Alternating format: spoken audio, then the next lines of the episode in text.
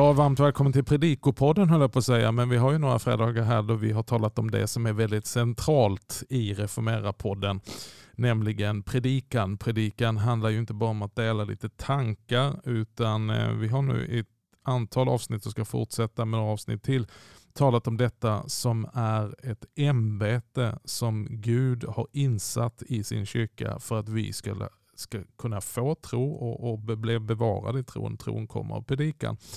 Med mig har jag även denna fredag min kära vän och kollega Kristoffer Abrahamsson. Välkommen Kristoffer. Tack. Du, eh, jag ska lämna över till dig men jag ska börja med att citera Paulus ord som är väldigt mycket ord som vi predikanter på ett eller annat sätt får förhålla oss till. Och Det är hans allvarliga uppmaning till Timoteus i slutet av sitt liv. Hans testamente nästan lämnar över stafettpinnen. Att han eh, uppmanar honom inför den Gud som ska döma levande och döda. Då vet man att det kommer något allvarligt här. Predika ordet, träd fram i tid och i otid. Tillrättavisa, varna, förmana. Jag tänker redan där så borde det kännas väldigt oattraktivt. Eh, för det ska komma en tid, fortsätter han, då människor inte längre står ut med den sunda läran utan samlar åt sig mängder av lärare efter sina egna begär så som det kliar i deras öron att få höra. De vägrar lyssna till sanningen och vänder sig till myter. Ja, vi skulle kunna fortsätta. Mm. Med det här så skulle jag vilja föra oss in på spåret som säkert många som predikar känner igen sig men kanske andra som inte predikar också kan få lite benefit av att lyssna till. Och Det är våndan. Våndan inför en predikan, våndan under en predikan och våndan efter en predikan. Berätta om din predikovånda, Kristoffer. En bild som jag ibland delat när jag talat om det här med vänner och andra är att ibland, jag tror de flesta nog smärtsamt nog haft erfarenheten av att dela något kärt från sitt eget hjärta. Det kanske kan vara att man älskar någon. Mm. Det kan också vara att man har problem med någon och vill ta upp mm. det problemet. Det skulle kunna också handla om att man har fått en stor längtan inom sig att man kanske vill studera vidare och studera någonting. När man delar det med en person och den inte riktigt tar emot det, kanske att de tar upp sin telefon och börjar kolla på den eller de vänder blicken och börjar flacka runt, ofta då uppstår någon slags smärta inombords i att man inte blev tagen på allvar. Mm. Och på liknande sätt tror jag att de flesta predikanter ibland upplevt. Ibland för att man tillskrivit folks negativa åsikter. Men också ibland för att folk helt enkelt kanske inte velat lyssna utan velat göra någonting annat under den stunden. Och det är ju en obehaglig känsla. Det är ju mm. en vånda att få stå med det.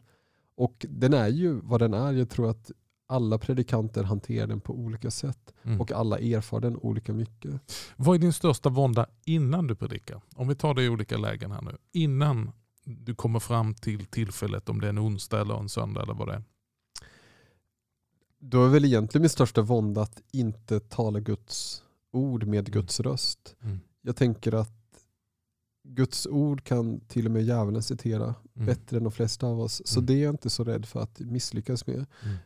Men att tala med Guds röst, det är svårare för då måste jag höra hjärtslaget från Gud innan jag kan tala. Och det är någonting annat än att bara stapla upp dogmer eller teologiska sanningar eller annat. Det behöver inte vara dåligt men det behöver inte heller ge liv. Mm. Så största våndan inför är talar jag med Guds röst just nu mm. och hjälper jag människor att se att Gud är närvarande i deras liv. Mm. Är, det en, är det en kamp, um, nu ska jag inte försöka färga det för mycket av, av min egen erfarenhet, men, men jag tror det, det är olika för varje förkunnare och predikant och präst, men, men mycket är gemensamt. Den här kampen att föda fram för att man känner ett allvar, precis som du säger, att det här, det här kan inte bara bli, det är inte nog att det blir en bra predikan. Nej, det är det inte. Det är mm. inte ett retoriskt tal. Nej. Det är ju i bästa fall ett levande ord som mm. jag också förmedlar. Mm. Och det är ju både en kamp, en vånda och en ödmjukande mm. process i att inse att ja, men jag är beroende av Guds andes ledning. Mm. Eh, jag tror tyvärr att både du och jag har predikat så pass mycket att vi med hjälp av tekniker kan säga någonting som är liksom kyrkligt korrekt. Men jag har i alla fall varit med om det. Jag, jag, jag, vet inte om du har varit med om det. jo, men och, att, och det är så stor smärta de gånger ja, som ja. man upplever i förberedelsen att så här, men Ja. det här är ju bara en pappersprodukt. Mm. Det här är bara en metod. Det är Mm. som att jag skruvat ihop någon slags IKEA-hylla. Mm. Jag har använt bara rätt verktyg och följt en manual. Mm. Men den är inte levande. Och de gånger som jag upplever det väljer jag ju nästan alltid att kassera den och Mm. göra om processen. Men har du inte varit med om, eh, för att kasta in här nu för så blir det lite skav. Jag tänker att ofta kan jag, våndan är att jag tycker att det, det här känns inte levande. Men att det ändå finns någonting i mig som säger att det här är rätt och det får du vila i. Och så händer det här levandegörande miraklet där och då. Så det som har varit en vånda och kamp och kanske till och med tagit min sömn natten innan och så kommer man och, och folk kan nästan se på en att man inte har sovit och man har verkligen våndats. Men i mötet, att när vi kommer tillsammans runt ordet, dom, helt plötsligt börjar det leva. Ja, men det är ju den överraskningen som man får ibland, vilket gjort att jag fått en rimlig distans till känslorna inför både förberedelsen och genomförandet och efterarbetet av en predikan. Ja. Att ja, men absolut mina känslor, jag ska alltid ta dem på allvar. Men jag får inte låta mig ledas av dem för Mm. mycket. För då kommer jag antingen efteråt slå mig själv för bröstet och tänka att det här är nog det bästa som sagts i kyrkans tradition. Eller tänka att det här är nog den största heretiken som varit i kyrkans tradition. Ja. Vi har kanske inte alltid de extrema tendenserna men jag tänker Inte att du, men, finns. men jag, du, jag talar till dig. du, du, du talar till mig. Jag, har sett, jag, jag pendlar ju konstant mellan totalt missmod eller, eh, Det här borde stått i Bibeln. eller, eller högmod. Exakt. och, det är, och där är man ju olika. Jag tror att jag puttrar på lite mer. Ja, Men ja. det, det, man är ju olika och där tänker jag att för mig är det i alla fall till hjälp att leva med en ödmjukt förhållningssätt till mina känslor. I Ja. att så här, de säger inte allting. Ja. Och ibland när jag haft en stor vånda och tänkt "Åh, vad blev det här? Så kan människor tala gott om den. Mm. Och ibland när jag själv tänkt så här, det här blev bra så verkar det inte berört någon. Och det behöver inte heller vara så att folks eventuella reaktioner säger så mycket. För jag tänker att de flesta gånger som när vi tystnar är när någonting berört oss på djupet. Det är Mm. inte att man kan utgå från att alla som är tysta efter en predikan har uppskattat den. Men eh, jag är inte där för att fånga någon slags eh, popularitetstest utan jag är där för att vittna om Guds ord och sen jag överlämna resten till Gud. Och för mig finns det också en befrielse i att om jag träder fram under ett par minuter så är jag ett vittne. Mm. Vad som händer sen, men det är upp till Gud. Det, det här är intressant det du säger det här med tystnad. Eh, Jag fick otroligt hjälp av en eh, kanadensisk pastor, predikant, som hade jobbat som ambulansförare. Mm. Och jag var ju fostrad i en tradition där man, där man söker väldigt mycket bekräftelse och dömer väldigt mycket på att ja, men här finns en, en verbal respons, det händer någonting. Eh, och eh, i ett samtal, det var flera stycken unga predikanter som fick möta honom och jag kommer ihåg hur befriande det var när han sa att som ambulansförare när vi kom till en olycksplats så var det så lätt att vi som ny, nya ambulansförare läkare, akutläkare gick till den som skrek mest. Men då var det en, en, hade han i sin tur fått lära sig som ambulansförare, don't mind the screamers. Ja men just det. Utan han sa att de som verkligen behöver hjälp, det är de som inte säger någonting utan de tysta. Så det handlar om att se att där det verkligen har träffat, där någon har verkligen, nu är det ju skadat sig själv, men han Mm. använder det, du förstår Ja, liknelsen. men det är de som inte gör något väsen av sig. Utan där är verket, där har det i det här fallet negativa gått så långt redan. Så de, de, de säger ingenting. Så bli inte upptagen av de the screamers. Utan titta efter det, the silent eh, på den här olycksplatsen. Och det där hjälpte mig att inte bedöma utifrån det man ser eller hör. Utan, eh, och faktiskt också gå till sig själv. att när du verkligen blir träffad av någonting, när, när, när texten har tagit ett nacksving på dig och brottats, då, då, då finns det inte så mycket att säga. Nej, då blir det ju tyst på Ja. ett befriande sätt, inte den här tystnaden som är obehaglig. Och där tror jag att det, det finns en ja, men det finns något vilsamt i att Mm. förhålla sig till det. Och också för mig, jag återkommer gång på gång till att ja, men mitt uppgift, min uppgift är att vittna.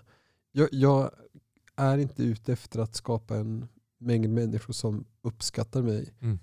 Jag hoppas att folk respekterar mig. Mm. Men de behöver inte uppskatta mig för det är någonting annat. Och Men det är kul om de uppskattar det är klart att det är roligare det än att de talar illa om en. För om vi går till den delen av texten tänker jag bara här där Paulus, han, han, han, han sätter ju upp det här för Timoteus ganska viktigt. Han säger att okej, okay, du i din tjänst att, att lägga ut ordet och predika ordet så handlar det om att förmana, det handlar om att varna, det handlar om att tålmodigt undervisa. Och så kopplar han det direkt till sig och, och, och, och det kommer inte att finnas folk. Det verkar finnas mycket folk om man ska läsa texten som inte kommer stå ut med det du har att säga till Timoteus. Det som är den sunda läran utan det kommer att bedömas som tråkigt. Och så kommer man till att söka sig till någonting som är lite mer sensationellt som kliar deras öron. Och hur hanterar du våndan av detta? Att folk vill helt enkelt inte höra på det du har att säga. Kristoffer. Men där tror jag Magnus Malms ord burit mig under lång tid. Att förmågan att tala sanning hör samman med varifrån jag söker bekräftelse. Mm. Att jag måste bli så pass trygg i Guds kärlek till mig att jag inte ängsligt blickar mot vad sa han, vad sa hon, mm. vad tycker de nu? För då blir jag plötsligt någon som anpassar mitt budskap efter tillfälliga vindar. Mm. Och att tänka att ja, men, jag gör det mödosamma krävandet och svåra arbetet i min bönekammare. Där jag möter Fadern i det fördolda. Mm. Men då kommer jag bli belönad. Mm. Inte på det sätt som de som talar i offentligheten kanske. Mm. De får uppskattande ord från omgivningen. Utan min stora belöning är att jag blir så pass fri från människor att jag kan betjäna människor. Ja, det, det, det, det är sanna ord och, och det är frumma ord. Och jag, men, jag, jag förstår att du, du menar varje ord du säger. Men jag tänker att här finns någonting så stort att jobba med för varenda predikant som står i den tjänsten. Där du hela tiden står inför människor i kött och blod. Och, som kanske också framför sin kritik mot dig.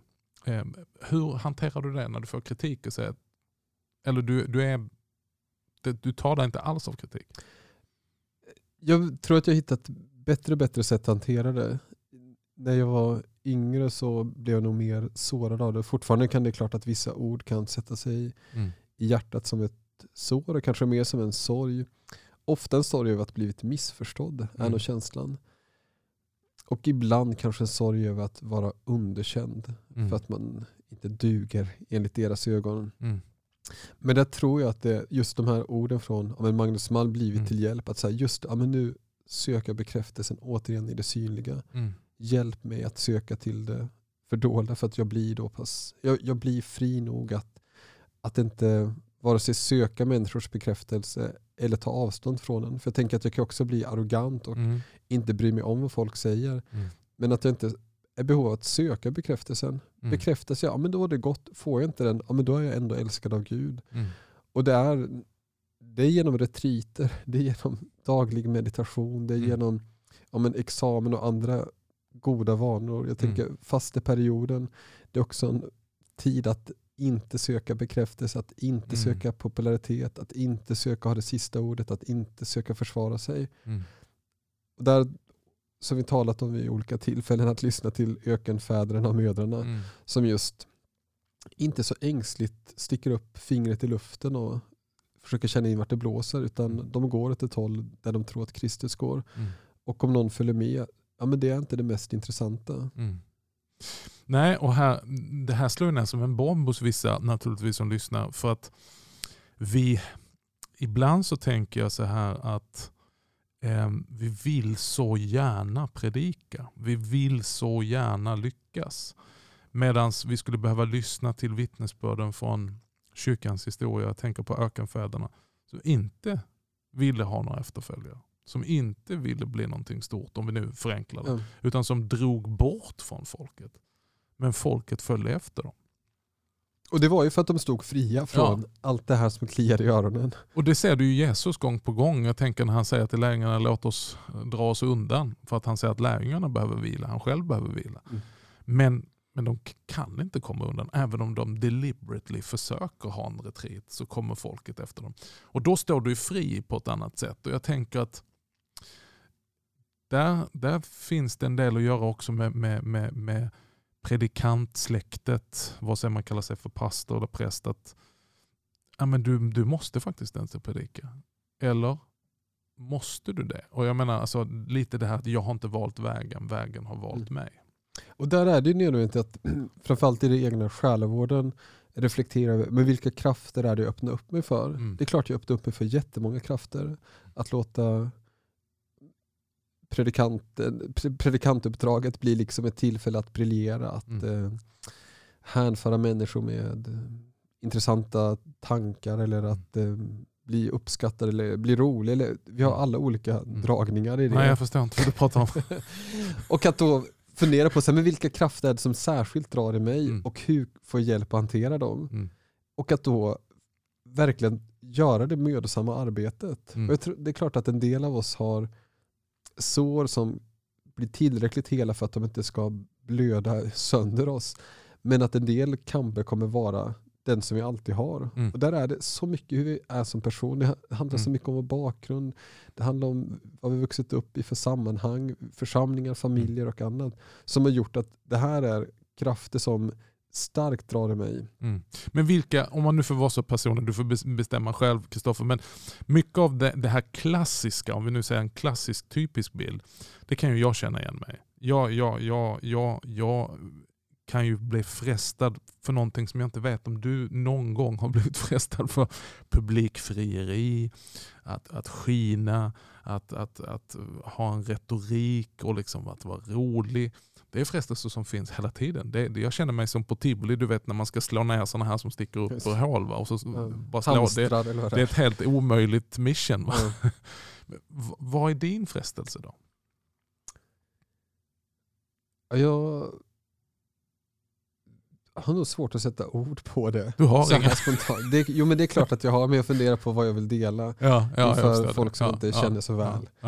Men det, det är klart att, och jag tänker att man får upptäcka dem hos sig själv och göra Mm. det man kan för att liksom besegra dem. Och jag tänker att det är verkligen en kamp i det. Mm. Och att låta inbjudan vara inte att förakta sig själv, inte att förringa sig själv, inte Mm. att klanka ner på sig själv. Utan tänka att med den inbjudan om att bli fri. Mm. För det, jag tänker att kärlek, för att jag ska kunna älska så måste jag vara fri. Mm. I annat fall så använder jag dig som någon slags medel för att Mm. bli älskad eller för att känna mig älskad. Men det är först när jag står fri Mm. och mättas av Guds nåd och Guds kärlek, då är jag fri att tjäna allt skapat. Människor, djur, natur, liksom, vad det än som möter mig, Mm. det kan jag tjäna för att jag inte använder min omgivning som kryckor till ett sviktande självförtroende. Mm. Slår det på dig ibland att du kan tänka då, jag tänker jag försöker tolka liksom det du säger och, och så vad lyssnar så här, ja men ah, jag har för lite ambition. Eller, alltså, och då menar jag inte felaktig ambition utan du, du, vad vill du att din predikan ska leda till? Men det är Jesu ord om Herrens ande gör mig hennes mot med att frambringa ett budskap, ett glädjebud till de fattiga, för att kunna befrielse för de fångna, syn för de blinda, genom förtryckta frihet och för att kunna nå det så från Herren. Det är ju ett högt anspråk Mm. och det jag nog har både ganska ambitiösa anspråk, att säga, det är det som är min längtan. Mm. Att förenas med Jesus så pass mycket att jag kan säga att det är också mitt uppdrag. Mm.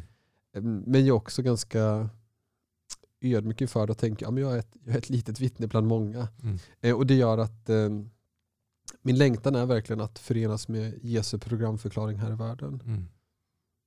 Ja, det är vackert. Och det är ett stort anspråk och jag tänker att, och därför så, jag tänker verkligen, ja, men, jag har inga sociala medier, ingen smartphone och det är mycket sånt som jag medvetet valt att avstå från just av det enkla skälet att jag märker att det här är krafter som växer i mig som jag inte förmår kontrollera. Mm. Det är klart att om jag skulle ha ett Facebook-konto skulle jag ju mer och mer frestas av att se hur det går för mig numerärt. Mm. Eh, när det gäller andra saker, blir jag omtalad, vilka säger något om mig? Och där får man ju upptäcka vad är det som triggar Mm. negativa sidor i mig och hitta sätt att hantera dem. Jag kan ge dig inlogget till den här podden så kan du se hur många som har lyssnat i förhållande till dem. Men då där med, medvetet har jag gjort det när det gäller men då en del statistikbitar. Ja, ja. Att jag väljer att försöka vara så blind inför det som möjligt. Jag ja. säger både på skämt och ibland på allvar till ja, men om folk omkring mig frågar hur många som firar gudstjänst i Löten, att jag inte ser det för alla änglar. Och det drygt svar. ja, ja, jag, jag hörde faktiskt någon dig väldigt närstående citera dig på detta och jag bara gick, åh, typiskt Kristoffer. Då var det någonting, jag kunde inte se hur många det var för det fanns så många änglar i vägen. Och det för mig är det, det är, ju, ja, det är inte alltid änglarna skymmer, men det är ett sätt för mig att Ja, jag direkt jag försöka döda Ja. det numerära. Ja. Och Jag som den här. Jag terminen har jag, jag har firat en mässa, jag firat helt själv. Det var en speciell erfarenhet. Vi har lunchmässa här som är numerärt totalt katastrof. Mm. Men jag tänker, för Guds rike, för mig blir det nästan en sån radikal handling att få, Mm. fick fira den mässan ändå. Mm. Och tänka att så länge inte sången har tystnat på jorden, sången om himmelriket, sången Mm. om Guds riket, så är det inte ute med världen. Mm. Om det så skulle vara, jag den enda prästen på hela jorden som skulle gå ner och fira de här lunchmässorna i min ensamhet resten av mitt liv, ja men då finns det hopp om jorden. Och det är klart att jag inte fullt ut känner det alltid där och Mm. då, men jag försöker göda just den dragningen i mig. Och det är så viktigt. Jag har, jag, jag har nämnt samma sak för mig som kommer från en helt annan bakgrund. Där allt har bara handlat om tillväxt och, och mätbarhetens förbannelse. Så, så, så menar jag det från hela mitt hjärta att det är nästan för mig eh, och det här måste sättas i sitt sammanhang och rätta kontext naturligtvis. Det handlar inte om att varken jag eller Kristoffer är anti att det skulle komma mycket folk. Men det finns någonting så otroligt viktigt. Att få frambära både ordet och komma och bjuda till bordet om du så bara är fem, sex, tio personer samlade.